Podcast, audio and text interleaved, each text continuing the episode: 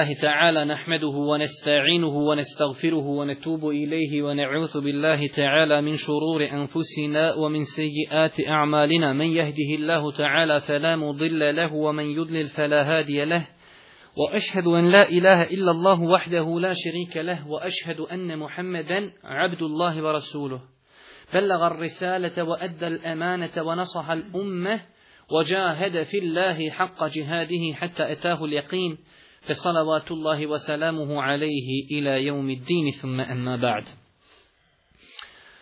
moja draga, mi se večeras družimo sa desetim hadisom iz skupine 40 hadisa imama Nevevija.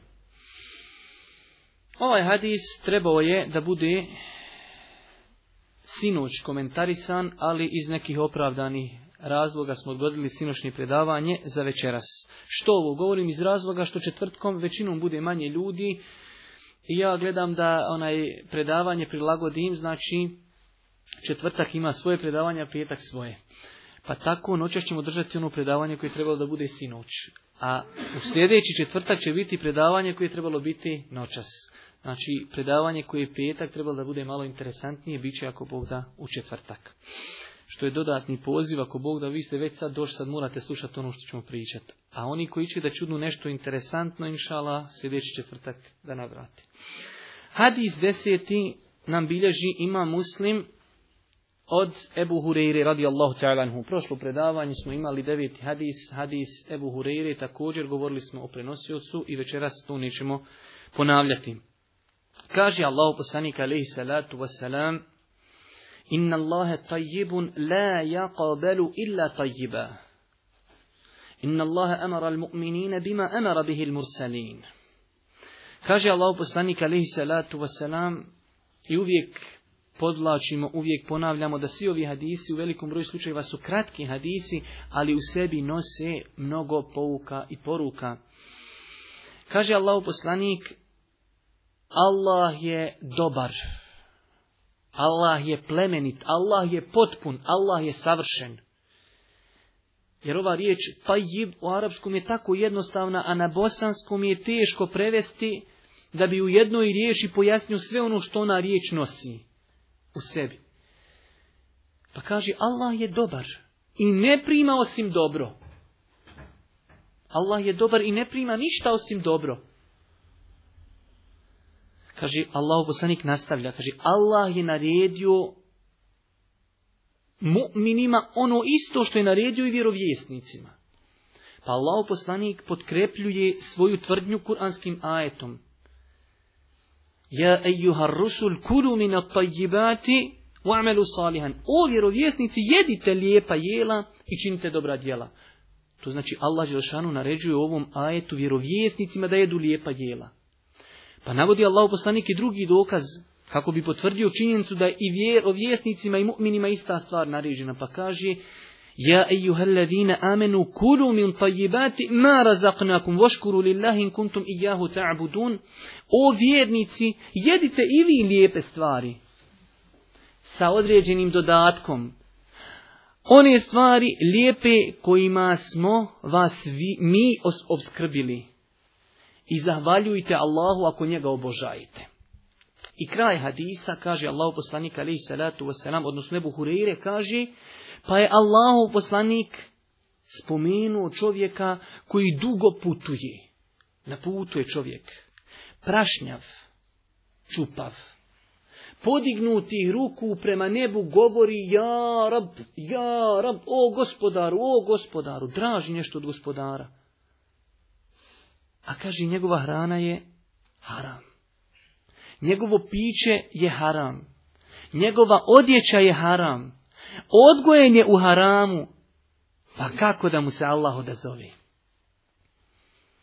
Ovaj hadis prije nego ga počnemo komentarisati, samo ćemo ga malo uvezati i prepričati kako biste shvatili taj hadis. Znači, Allahu poslanik, najveća pojenta ovog hadisa jesu dvije stvari uvjeti da bi djelo bilo primljeno kod Allaha i mjesto dove u islamu.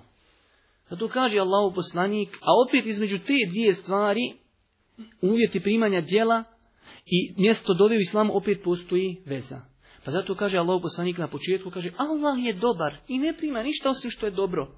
Allah je plemenit, Allah je savršen i ne prima osim dobra i savršena djela. I onda kao da tu malo pojašnjaj i navodi primjere, pa kaže, ono što Allah naredi poslanicima, to je naređeno i mu'minima. Pa donosi kuranske ajete gdje kaže Allah naređuje mu'minima, onaj vjerovjesnicima da jedu čista, dobra, halal jela. I da radi dobra djela. Pa kaže, ali Allah naređuje i mu'minima također da jedu dobra jela koja? Kojima smo ih mi obskrbili. I neka Allahu zahvaljuju ako njega obožavaju. I onda sve to kao da bi Allahu poslanik nam to primjerom pojasnio, kaže, spomenuje čovjeka koji je putuje. Dugo, ne samo putuje, dugo putuje. Putovanje koje umori čovjeka. Kaže, pa je on čupav, prašnjav. Prije kada se putuje kroz pustinju, vjetrovi pušu, čovjek čupav, nikakav. Kaže, taj čovjek je podigao svoje ruke i pazite kako je podigao. Nisam rekao, ja rab gospoda, jednom. Ne, dovi iz srca. Kako Arapi kažu, ha, tu je nešto pohvalno dovi, da čovjek se prida, a vas dovi. Kaj gospodar, gospodar, ma gospodar, tri puta. U jednom rivajetu dva puta, u jednom tri puta. kaži, go, traži nešto. I onda Boži poslanik to povezuje sa onim gore početkom hadisa. Allah je dobar i ne prima osim dobro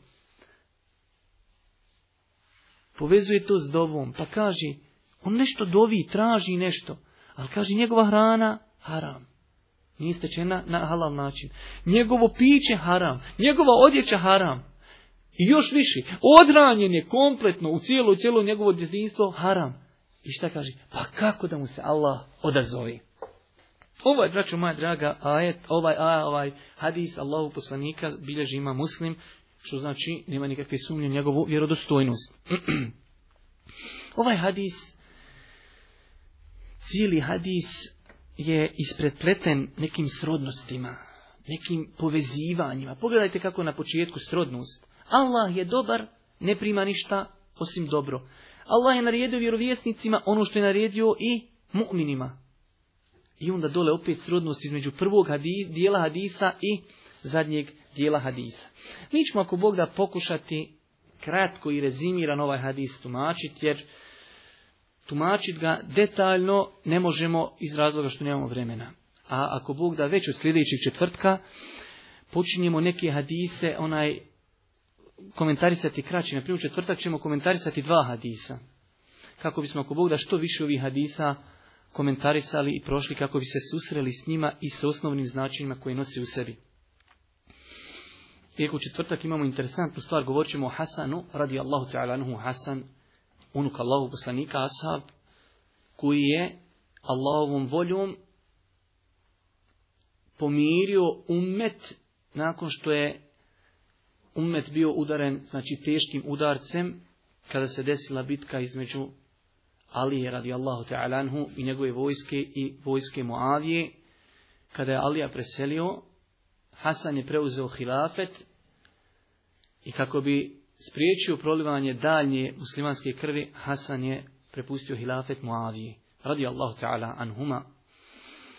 Tako da je to jedna velika ličnost o kojoj velik broj muslimana ne zna ništa, a toliko je to velika ličnost da imate danas studije na par stotina stranica koje govori samo o tom čovjeku.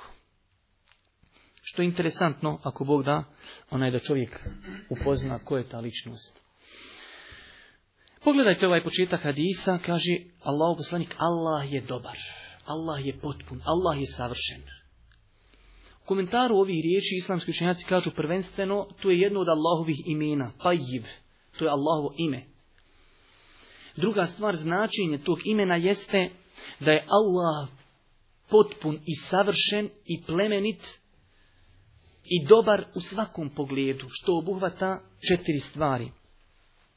On je potpuni savršen u svome biću, potpuni savršen u svojim imenima i svojstvima i potpuni savršen u svojim dijelima. U svakom pogledu uzvišeni Allah je savršen. Zato kada kaže se Allah vidi, znači vidi savršenstvo te osobine kod Allaha te ta'ala. Allah čuje, savršeno čuje. I tako, znači, sva svojstva uzvišenog Allaha baraka ta'ala i njegova imena su apsolutna savršenost. Također, kazali smo da se ta njegova savršenost vidi i kroz njegove postupke. Znači, Allahovi postupci su savršeni, potpuni. Pogledajte samo njegova stvorenja, pogledajte čovjeka. Kako je to savršeno biće, kada počnete danas čitati šta nauka govori o čovjeku, kako funkcioniše njegov mozak, njegovo srce, krv, koža, kako nastaje čovjek. To je znači jedno savršeno, savršeno biće. Znači, a opet, koga je stvorio, stvorio ga uzvišenje Allah. Pogledajte u kosmos. Pogledajte sve te planete. Pogledajte zrak, pogledajte sunce, pogledajte mjesec, Pogledajte zemlju na kraju krajeva na kojoj mi živimo. Koliko je tu savršenstva i dokaza i pokazatelja savršenstva. Znači, tu su pokazatelji savršenstva Allahovih dijela, Allahovih postupaka. Normalno, braću moja draga, čovjek nekada će vidjeti, primjera radi, da neko od ljudi ima neku mahanu. Da li ćemo time kazati da to ukazuje na nesavršenstvo uzvišenog Allaha? Ne vraćam, moja draga. To je opet pokazatelja Allahovog savršenstva. I svaka stvar ima svoju mudrost. Jer kao što kažu Arapi, bi dihate jenul ešja'u. Suprotnostima se pokazuju stvari. U suprotnostima. Jer da nemamo mi čovjeka koji nema jednog oka, možda nikad ne bi razmislio, a vidi mene Allah obskrbio sa dva oka. Da nemamo siromaha, nikada možda ne bi pomislili da nama nešto fali, ono u smislu, nešto bi i tražio, ali kada vidiš nekoga koji je na nižem nivou od tebe, onda shvatiš da si ti ipak na boljim stepenu od njega u smislu onaj Allah te obskrbio nekim stvarima kojima nije njega obskrbio. Ili bolest. Znači bolest nije manjkavost. Ne. Allah je dao nekome zbog mudrosti kako bi oni koji su zdravi vidjeli tog čovjeka pa kako bi Allahu zahvaljivali. Znači svaka stvar stvorena ima svoje znači cilj i svoju mudrost. Čak učenjaci navode velik broj koristi od stvaranja i blisa. Iblis najveći neprijatelj. Ali velik broj učenjaka u svojim knjigama navode koristi od Iblisa. Vidiš, kakav Iblis, samo rat. Ali imaju koristi od Iblisa. Zato ima jedan hadis, znači večera ćemo spomenuti dva ili tri hadisa koja nisu vjerodostojna, ali sjećate se, davno smo mi govorili o propisima spominjanja daif hadisa. Daif hadise ne mogu uzimati kao argumenti iz kojih će se uzimati šarijatski propisi. Ali da čovjek spomeni nekada hadis koji je daif, a ne apokrifan, već daif sa ispravnim značenjem, zato što ostali drugi neki hadisi potvrđuju njegovo značenje, inšala nema smetnji u tomi. U jednom hadisu kojeg Šeha Albani rahmetullahi alihi ocjenuo slabim daif, stoji da je Džibril jedne prilike alihi salatu sam došao u poslaniku pa kaže, Allah me je poslao da ti prenesem selam. I kaže, da ti prenesem, da Allah Đelšanu kaže, ima moji robova koji ne bi ostali u imanu osim ako su bogati. Kaže, ako bi ga Allah iskušao siromaštom, on kaže bi ostavio iman. A ima, kaže, mojih robova koji bi ostavili iman ako bi bili bogati. Samo njihov iman treba da su siromašni. Jer on kad bi ošao u pare, ošao bi u šeitane. Iman, kaže, mojih robova koji jedino vjeruju ako su bolesni. Oni kad bi mala dao zdravlje, kaže, oni bi ošli u nevjerstvo. A ima i suprotno onih. Ima koji će vjerovati samo ako budu zdravi. Ako je Allah iskuša bolešću, kaže, otići u kufr. Ovaj hadis, znači, iako je baif, ali njegovo značenje sigurno je, ako Bog da, ispravno. Zato, na kraj krajeva, znači čovjek treba da bude zahvalan Allahu i da to prihvati kao kader i odredbu ono što mu Allah propiši. I da svati i da zna da ono što on možda želi, da to može biti iskušenje. Nekada ljudi samo maštaju da mu je da bude bogat. A vjerujte da bogatstvo može biti iskušenje sigurno iskušenje. Čovjek mašta. Da mu je. A ne zna kada bi imao gdje bi možda stigo. A da ne govorimo o sudnjem danu. Allah Đeršanu kaže, Allah poslani kaže, čovjek će biti pitan i imetku dva puta. Kako si ga stekao i gdje si ga potrošio? Što manje imaš, manje ćeš biti pitan. I ulazu i izlazu. Onaj bolesni. Kaže Allah u poslaniku vjerodostojnom hadisu, Kaže, kada zdravi ljudi koji su imali zdravlje na Dunjaluku budu na, ah, na, na sudnjem danu i kada vide šta će bolesnici dobiti nagrada zbog bolesti, kaže, oni će poželjeti da su njihove kože čupane kliještima na Dunjaluku. Su i tako mučili i ubijali, u vjerodostojan hadis, da su čupali kliještima njihovu kožu. Samo kada vide nagrade koje će dobiti bolesnici. Zato kažemo, čovjek treba da se pomiri sa onim što mu je Allah te barke propisao. Moglo bi se o tome dugo, braću moja draga, ali moramo, idemo dalje. Hronološki, Allah je dobar, savršen, potpun i ne prima osim dobro. Pogledajte. Allah ne prima, braću moja draga, osim dobro. Šta znači ova riječ? Pogledajte, to su kratke riječi, ali tako ono se mnogo znači. Dobro, u svakom pogledu Allah ne prima ništa osim dobro. Namaz, Allah ne prima namaz osim dobar namaz. Dođe čovjek, vide ljudi klanjaju, on došao na dženazu, pa ga stiži biti pred džamijom, odi ja klanjam. ali nema abdesta. Nema od tog namaza ništa. Čak šta više, ima uleme koja kaže kufrije da čovjek klanja ako zna da nema abdesta. Ali mišljenim da je to griješnik veliki. Či znači, znaš, nemaš abdest, ali te izići. Čovjek u toku namaza izgubi abdest. I stid ga izići. no, koji kaže, to je kufr, čovječe, stojiš tu i simuliraš da klanjaš, a nijaš abdest, a znaš. Razlika čovjek uradi iz neznanja. Ali većina uleme kaže da je to samo veliki grijeh. Znači Allah ne prima osim dobro. je tak, Hoće čovjek udjeliti sadaku. Allah ne prima osim dobro sadaku. No čovjek kaže, e vidim da bi ja udjelio, ode ukras pa ću udjeliti. Ne prima se, ne troši se, ta valuta se kod Allaha ne troši. Zato kažu učenjaci iz prvih generacija, meni je draže, kaže, da se ostavim jednog haram dirhema i zlatnika, nego da udjelim stotinu hiljada onih koji nisu dobri. Neću jedan da uzmem onaj koji, mi, koji nije halal. Više im je to, kaj je drago da se toga saču, nego da udjelim stotinu hiljada oni koji su neispravni. Da se čovjek čuva onoga što mu nije dozvoljeno. Također, Allah ne prima ništa osim što je dobro. Koje je dobro? Opet, znači to je široka riječ, dobro. Dobro je djelo ono koje je učinjeno radi Allaha. Djelo koje čovjek učini radi ljudi, nije dobro, neće biti primljeno. vi, dijelo koje je dobro. Opet, sve to ulema govori, ljudi, ovo ništa nije iz mojih rukava. Djelo da bi bilo dobro treba da bude u skladu sa praksom poslanika. Neće biti primljeno ono što nije u skladu sa poslanikovom praksom. Možeš kopat koliko hoćeš, neće biti primljeno. Od uvjeta da bi djelo bilo primljeno jeste da bude u skladu s praksom Allahog poslanika, ali salatu wasalam. A to sve nam obuhvatava riječ Allah je dobar i ne prima ništa osim dobro. Allah ne prima ništa osim ono što je dobro.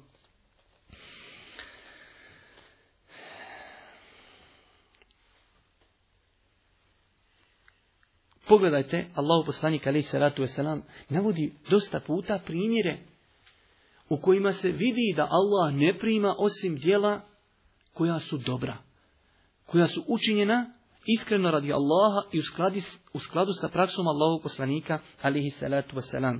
Kaže Allah poslanik u hadisu kojeg je zabilježio imam Buharija, muslim i ostali sakupljači sunina, kaže kada neko od vas udjeli, pazite, vrijednosti jedne datule. Jedna datula je manja vrijedna od deset feningi.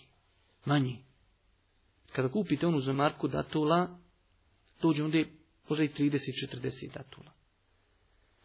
Kaže Allah znači kada čovjek udjeli sadaku vrijednu datuli, ali kaže iz čistog i dobrog imetka.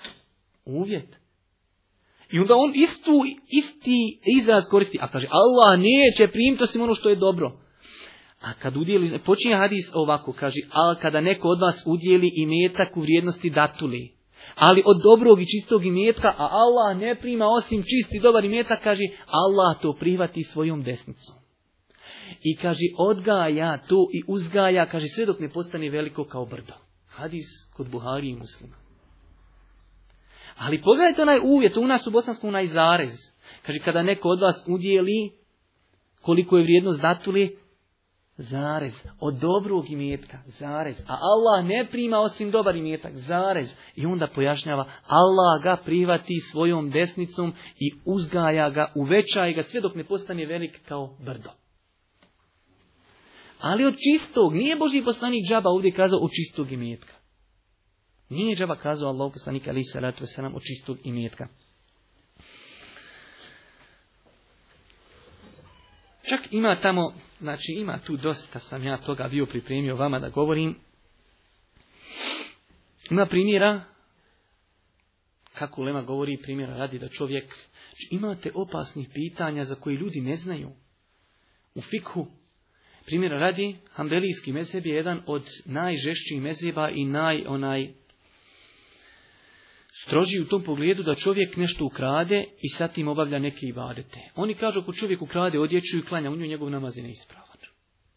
Ili čovjek kaže uzurpira nečiju zemlju i klanja na toj zemlji, kažu namaz neispravan. To je hambelijski mezheb, ostali mezheb kažu ispravan mu je namaz i u ukradenoj odjeći na, ukradenoj zemlji, ali je griješan. Što je ukru zemlju i griješan je što nosi to. Ali pogled, tak, tako isto govori, primjer radi da čovjek ukrade novac i ide na hač.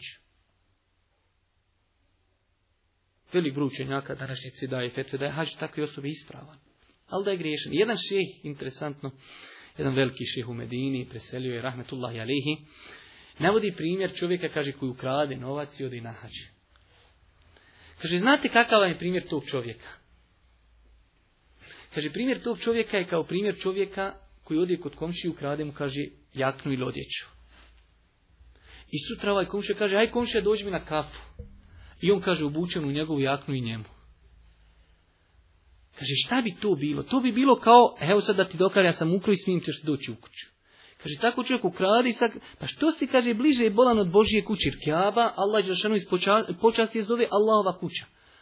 I sad ti si ukro i još, e, evo Bože, sad ja, tobe jare, bi ono kao, ne kaže to čovjek, ali evo sad da ti kažem ja sam uklo ja evo sad sa tim parama ode tvoje kući. Nemoj kaj boj, ako si uklo bolje onda bježi od Božje kuće što dalje, manji ti je grih. Onaj, to sam či ovaj, slušao na ovom jednom predavanju u komentar pa nisam mogu da vam to ne spomenim. Zato kažemo, braćo moja draga, ova odrednica u ovom, u ovom hadiska da kaže Allah je dobar i ne prima dobro. Tu je, braćo moja draga, sva vjera naša zapamti, šta god da hoćeš da uradiš, postaje sve pitanje tu dobro. Sva vjera, odnos prema komšiji, sam li dobar? Hoće to Allah prihvatiti. Odnos prema mome djetetu, jesam li dobar? Odnos prema Allahu, odnos prema komšiji, odnos prema roditelju, odnos prema bratu. Sva naša vjera je Allah ne prima osim ono što je dobro. I uvijek sebi postaje pitanje ovo što radim je dobro? A vidjet ćete ako Bog da, četvrtak predavanje imamo od ljepote čovjekovog islama i da se kloni onoga što ga se ne tiče. Veliki hadis. To su sve hadisi jezgroviti, ali nose u sebi mnogo značenja. Znači, kaže jedan veliki učenjak današnjici, ovaj hadis obuvata našu čitavu vjeru. Svaki, kaže, dio naše vjere potpada pod ovaj hadis. Kod Allaha ti neće biti primljen ništa osim što je dobro čoveče. Znači, nema, znači, sve Nama je bitno da naša djela budu primljena kod Allaha. Znači, mi zbog toga živimo, da uđemo u džennet, da bi bila djela primljena kod Allaha. Znači, i čitav tvoj život potpada pod ovi riječi. Ili, primjera radi, navodili smo, znači, primjer namaza. Vi znate, tamo hadis vjerodostojan. Allah poslani kaže, čovjek će kanjati 60 godina i neće mu biti primljen namaz. Zašto? Nije njegov dobar namaz. Nije zato neće biti primljen što neko ima nešto protiv tog čovjeka. Kao Allah, poslanik nam pojasnio, kaže, možda u potpuni ruku, a ne u potpuni seždu, možda u potpuni seždu, a ne u potpuni ruku. Čovjek je 60 godina, namaz mu nije primljen. Kaže, nijedan namaz mu nije primljen. Nije upotpunio svoj ibadet. Nije upotpunio svoj ibadet. Ili Allah Đelšanu navodi u Kur'anu tamo kada govori u suri Al-Baqara o, sadek, o, o znači govori o davanju milostinje. Kaže, qavlu ma'rufun, hajrum min sadakatin jetbeuha eza. Kaže, da se nekom izviniš, da mu kažeš lijepo riječ, to je bolje nek da daš sadake, ali da to popratiš prigovorom. Već gotovo, izgubilo se. Koš dat sadaku, dat ne šuti. Ali ta sadaka neće biti primljena kod Allah da prigovaraš. Znači, bolje je da čovjeku samo nakaviš gdje si, šta ima, izvini, kako si, nego da mu daš nešto i da mu sutra kaže ja sam tebi dao. Znači to su sve uvje, svako djelo ima uvjete da bi bilo primljeno kod Allaha subhanahu wa ta'ala.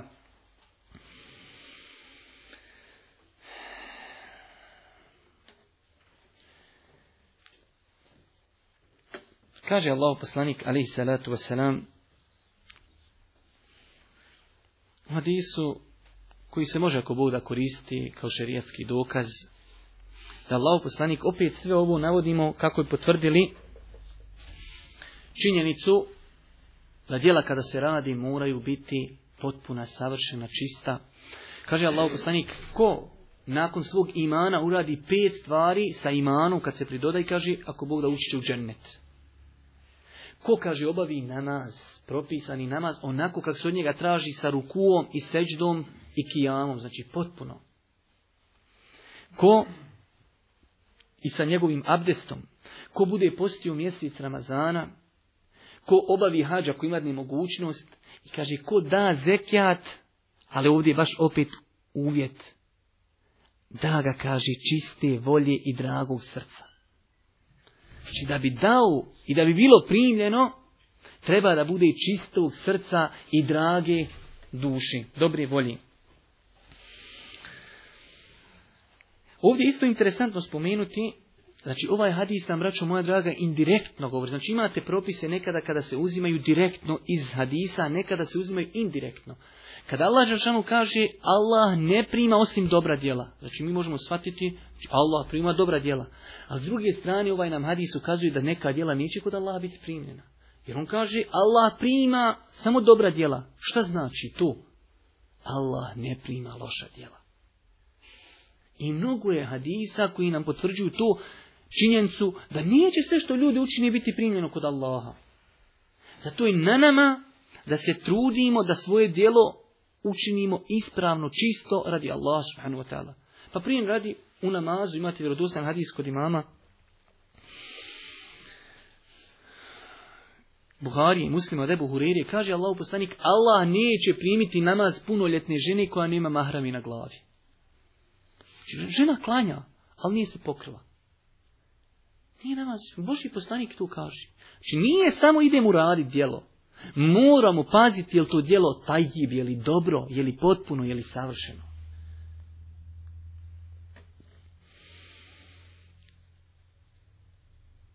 Također, tu nam potvrđuje hadis, poznati hadis kojeg smo citirali više puta i komentarisali smo ga, to je peti hadis u ovoj skupini 40 hadisa nevevija gdje kaže Aisha radijallahu talana ko uvede u našu vjeru ono što nije od nje, bit će odbijeno. Znači, ovaj hadis jasno ukazuje da sve što čovjek uradi neće biti primljeno. Zato je na nama, to je nama veliki podstrijek da se potrudimo da naša djela, ako Bog da, budu dobra. Nakon toga idemo dalje komentaršući ovaj hadis. Allah poslanik kada je postavio ova dva velika pravila, da je Allah dobar, savršen, potpun i ne prima osim potpuna dobra, savršena djela, kaže Allah je naredio mu'minima ono što je isto što je naredio i poslanicima. I ovdje isto jedna velika interesantna korist. Poslanici, ako su bili poslanici, bilo im je naređeno i bili su pokorni i tražilo se od njih da budu pokorni. I u tome je odgovor onim sektama koji smatraju da čovjek može doći na neki nivo i da kaže došao je do jekina. Imate tamo kuranski ajet koji pogrešno tumači pa kaže رَبَّكَ حَتَّ Obožavaj Allah dok ti dođe jekin. I oni kažu kad čovjek dođe na tako visok nivo da ima jetin, gotoviše on ne treba ni klanjati ni posti, samo sjedi. Ali poslanicima bilo naređeno. A ovaj ajet, njegovo tumačenje, obožavaj Allaha dok ti ne dođe jekin. Šta je jekin? Smrt, bolan. Do smrti ima li većeg jekina nego jekin Božijeg poslanika do zadnjeg dana obavljao namaz? Da pa iko došao do tog jekina, da ne treba klanjati namaz, to bio poslanik. Zato kada vidite čovjek kaže, ja sam došao do jekina, još i ne klanjam, veliki x na njega i to crnim flomasterom.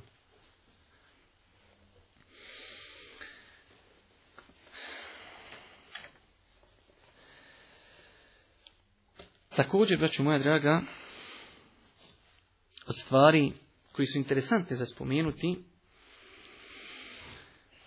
Pogledajte ovdje ova dva ajeta. Znači, mnogo je toga. Zaista ja odabirim samo nešto što ću vam kazati. Ova dva ajeta koja je spomenuo Allahu poslanik da bi nam argumentovao činjenicu da ono što je naređeno poslanicima, to je naređeno i mu'minima. Pa kaže u prvom ajetu, Allah je naredio poslanicima da jedu lijepa jela i da radi dobra djela.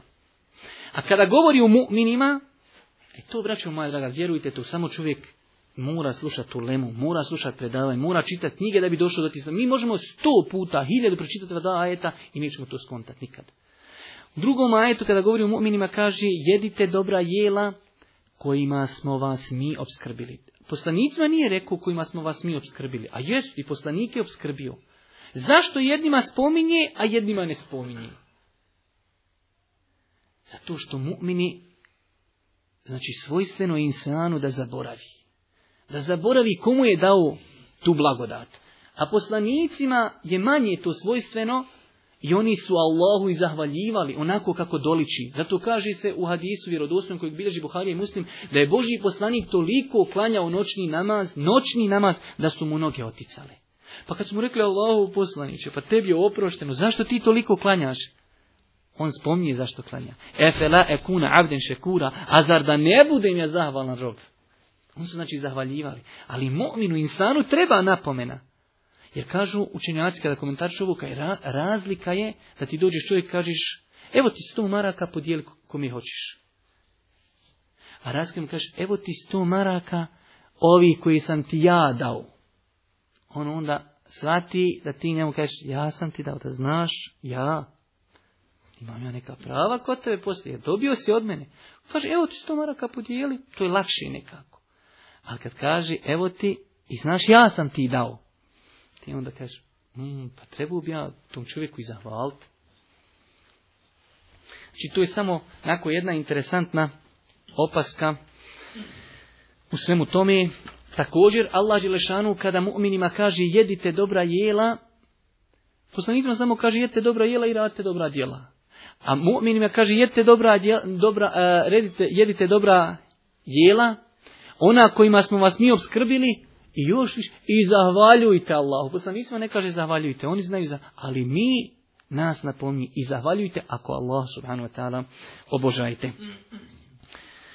Ovakav način kada čovjek zna da ono što je njemu naređeno, to je naređeno bilo i mu'minima prije njega, to čovjeku daje morala i lana da se pokori. Jer ako se mogao pokoriti poslanik i njemu bilo nariđeno, zašto da se ja ne pokorim tim stvarima? I zadnja stvar, eto ja nisam vidio kad smo mi počeli, koliko smo? Tama, na 40 pa ćemo završiti. Znači zadnji dio onog hadisa našeg, Allah poslanik nakon što je spomenuo da ne prima Allah Đelešanu djela osim dobra djela i da je Allah savršen i potpun.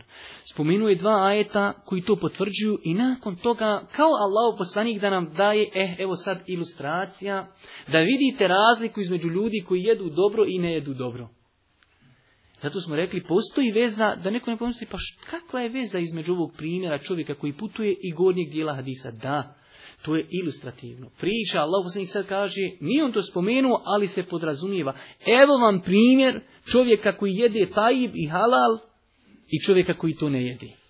Jer gore naređuje su ajetima da se jede dobro rana. Pa kaže Allah poslanik, pazite opisa. Ovo je veoma bitan opis i svaka riječ nosi značenje. Kaže, pa je Allah poslanik spomenuo čovjeka. Koji je čovjeka? Jutlinu sefer Račun, moja draga, treba da znate i tu osjećajte. I kad putujete, imajte taj osjećaj. Putovanje je vrijeme Allahove milosti. Otkud to mi znamo? Znamo na osnovu dokaza. Musafirov se Allahova milost manifestuje kroz nekoliko, nekoliko stvari. Dozvoljeno mu je da spoji namaze. Dozvoljeno mu je da skrati namaze. Pogledajte, tolika Allahova milost, evo na putu si, evo skrati namaze, nek ti je lakši. Postiš Ramazani, ne moraš ni postiti. Potiranje po mestan kod kuće samo 24 e, sata ili dan. Na putu tri dana, još dodatno. Sve su to olakšice putovanja. to je Allahova milost. Zato kaže Allah Poslaniku u vjerodostojnom hadisu Felasu da'vat musteđabat. Tri dove su primljene kod Allaha, ne postoji nikakva sumnja da li će biti primljene. Dova musafira, dova mazluma i dova roditelja. Znači, to je vrijeme kada se dove primaju. Zato poslanik, pogledajte, u ovom čovjeku šta je se ispunilo uvjeta da njegova dova bude primljena. Prva stvar musafir i to koji musafir? Dugo putuje čovjek. Čovjek već u toj Allahovoj milosti duboko zaglidio. Milost Allahova na putu. Znači dugo putuje. Eša se ekbera. Ekbera. Čupav i prašnjav. Da neko ne shvati da je pohvalno biti čupavi prašnjav. Nije. Ali je to stanje zbog kojeg Allah nekom je usliša dovu. Pa ti dođeš i raskošno, ništa, sjediš oko tebe, jelo, piće, sve imaš i ti sa gospodaru daj mi. će Allah i Ali ranska kad Allah vidi tvoju potrebu, čupa, prašnjav, potreban Allahovi milosti. Zato Allah u u nekoliko hadisa kaže Rube eš ase Kaže, ima ljudi koji vi, oni gledate u svom društvu, oni su i čupavi i prašnjavi. Kaže, oni kad bi od Allaha zatražili, Allah bi im se odmah dao. Ledar, vi mislite to ne vrijede kod Allaha ništa, ne, to što je on čupav i to što je takav u takvom stanju, a mi tako ljude vrednujemo, kaže, to ne znači ništa. On kad bi od Allaha zatražio nešto, kaže, Allah će mu dati. I u poslaniku u ovom hadisu opisuje tog čovjeka na taj način čupav, prašnjav. Znači, sve su to faktori koji uzrokuju da se dova primi. Čovjek, znači, u takvom stanju potreban Allahove pomoći. I šta dalje kaže? Podignu ruke prema nebu. I tu je jedan od faktora se dova primi. Da čovjek podigne ruke prema nebu i da traži na način da govori ja rab o gospodaru. To je jedan od najboljih načina da se dova primi čovjeku da traži riječima o gospodaru, ja rab o gospodaru. I da ponavlja tu riječ više puta. Ja rab, ja rab. Pogledajte koliko se stvari u ovom čovjeku faktora ispunila se njegova dova primi. Na putu, čupav, prašna, podigao ruke. Dovi više puta ponavlja te riječi ja rab. I šta kaže Boži poslanik? njegova hrana haram. Njegovo piće haram. Njegova odjeća haram. I odrastao, kaže, na haramu. Fe enna džabu leh, pa kako, kaže, da se njegovoj dovi ispuni. Povr toga što on ispunio sve uvjete, ali ima zapreka, ne može nikako dova između njega i Allah ima zapreka. Ovaj hadis, braću moja draga, svakako nosi u sebi mnoge poruke, a jedna od bitnijih poruka jeste da je mjesto dove u islamu veliko. Jer zašto je Boži poslanik sve ovo potencirao? Da ljudi shvate šta uzrokuje neprimanje dove kod Allaha, pa da bi tu izbjegli da se njihova dova primi. Da dova nema mjesto u islamu. Ne bi poslanik ovoliko pažnje njoj posvećivao. Zašto je sve ovo spomenu? Spomenuo je da ljudi ostave te stvari kako bi se njihovo najjače oružje moglo instalirati i aktivirati. Znači da bi mogli upotrijebiti u svoje najjače oružje koje posjeduju. Zato imate više hadisa koji potvrđuju da hrana, piće, odjevanje igra ulogu i ostavlja traga na čovjekov život. Vi znate hadis vjerodostojan hadis. Allah poslanik kaže, ko popije alkohola, njegov namaz se ne prima 40 dana. Moraš klanjati. Vađib ti je obaveza. A 40 dana džaba klanjaš, ne prima se, ništa ne ide dalje. Sam nako klanjaš, a se ne prima. Zašto? Zbog alkohola. Znači, to je dokaz da ono što čovjek jede i što popije i što oblači, da ima, ostavlja traga na njega i njegove ibadete i primanje ibadeta kod Allah subhanahu wa ta'ala. Drugi hadis vjerodostojan kaže Allahu poslanik ono tijelo koje odraste u haramu kaže njemu je vatra najpreća. Ono tijelo koje odraste u haramu je njemu je vatra najpreća. Zato ovdje je jedna velika poruka i pouka svima nama kada je u pitanju roditelji njegovo dijete. Da čovjek od i mladosti pazi i čine i kako će odgajati svoje dijete. Jer ako se odmale na to dijete zaprlja njegov organizam haramom, Može to uzrokovati sutra da mu Allah ne da uputu zbog toga. Zato što se zaprlju. Znači moramo paziti na izvor kojim hranimo našu djecu. Ovdje isto jedna interesantna stvar, i eto inšala time završajmo u naše predavanje. Kada kažemo halal i haram, tajib, dobre stvari i loše, Šta se time misli? Time se, braćo draga, misli ono što šerijat kaže da je dobro. A pojasnit ćemo primjerom. Med, jel da med je svakako dobar i ljekovit. A šta mislite, je li dobar ljekovit, onaj mi čovjek kaže, ja sam čuo da je med ljekovit, idem ja to prakticirati, ode ukrast od komšije kilu meda. U tom slučaju med nije dobar. Jer je tu stečeno na haram način. Znači dobro je ono što šerijat smatra dobrim. Što kaže, ja sam čuo da je velika nagrada ići na hađ, samo se klanja u jednom namazu, toliko i toliko, idem ja opeljušit, od nekog ću drpiti auto, prodam i ode na hađu. Nije to, nije to to. Znači, dobro je ono što nam je šerijat rekao dobro, makar ta stvar u svojoj vanjštini izgledala dobra, ako je stečena na pogrešan način. Primjer onaj sa medom je adekvatan primjer koji također navodi islamski učenjaci. Zato onaj ko pogledamo u prve generacije vidjet ćete da su pazili na svoju izhranu i da su smatrali da je bolje da malo pojedi a halal nego puno sa upitnikom. Prije se jedne prilike da imam šafija došao kod imama Ahmeda. A imam Ahmed prije nego što je došao imam šafija priča o njemu, kaže tu je učenjak, tu je pobožnjak, tu je alim, taj prakticira praksu Allahovog poslanika, sve. Između ostalih stvari, znači tu je slušala njegova čerkica. I kaže, sutra dan kada je onaj osvanuo dan, imam šafije, kod njih već bio jedan dan, kaže, oče ti o njemu toliko stvari pričaš, kaže, ja sam na njemu vidjela koliko hoćeš već neki faulova napravio. Pa kaže, šta si primijetila? Ona je spomenula tri stvari, ali evo ja ću spomenuti dvije, treću sam zaboravio. Kaže, prvo ti si govorio, kaže, oče, da ne treba puno jesti, kaže, da se od toga puno spava. Kaže, on jučer kad smo mi njemu iznijeli hranu, on, kaže, pomete sve živo. Ti si, kaže, govorio da se pomalo jede, kaže, da to, kaže, otežava stomak i puno se spava od toga. Kaže, ja sam njega pratila, kaže, on je jutro sustao na saba, kaže, ode klanjati bez abdesta. E, kaže, tog muslimana ne zna da se s abdestom treba klanjati. Pa kad su pitali mama Šafisa, ima Mahmed, zaista ne znam, ima lijepo mišljenje o njemu, kaže ova moja čerkica veli prigovara na te stvari, šta je u pitanju, znam ja veli da je nešto, ali da im pojasni. Kaže, bolan što tiče hrane, kaže, vjeruj mi, kaže, onaj, ja, kaže, odavno nisam bio kod čovjeka, veli, za kojeg znam da je povjerljiv, da je mu'min, da pazi na svoju izranu, kaže, pa kad sam se dosuko dobri i čestite i čiste hrane, kaže, veli, da se bar onda dobro i napunim čistom hranom. Jer zna da je hrana kod imama Ahmeda veli, to ne treba više ništa provjeravati. A to kaže što nisam, kaže, uzo abdes, kaže, nešto kad sam legao spavat, nam mi, kaže, neka pitanja i kaže, tako cijelu noć, kaže, sam žmirio, nisam mogu zaspati do sabaha, pa sam, kaže, s onim jacijskim abdestom klanju sabah namaz.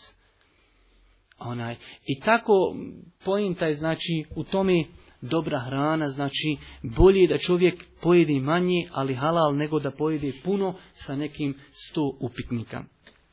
To je, braću moja draga, nešto što sam ja želio da vam kažem, iako, znači, ja sam to morao skratiti, onaj, kako vam ne bi dosadilo. Molimo Allah Đelšanu da ono što smo čuli bude korisno za nas, ako Bog da, da ovaj tu prakticiramo naš svakodnevni život, Molimo Allah subhanahu da nas učesti u teškim vremenima, da nas obskrbi sve zajedno halal obskrbom, a da nas zaštiti od harama i onoga što je sumljivo. I na kraju svakako da nam budem, ako Bog da milostiv na sudnjem danu. Subhanaka Allahumma wa bihamdika ashhadu an la ilaha illa wa atubu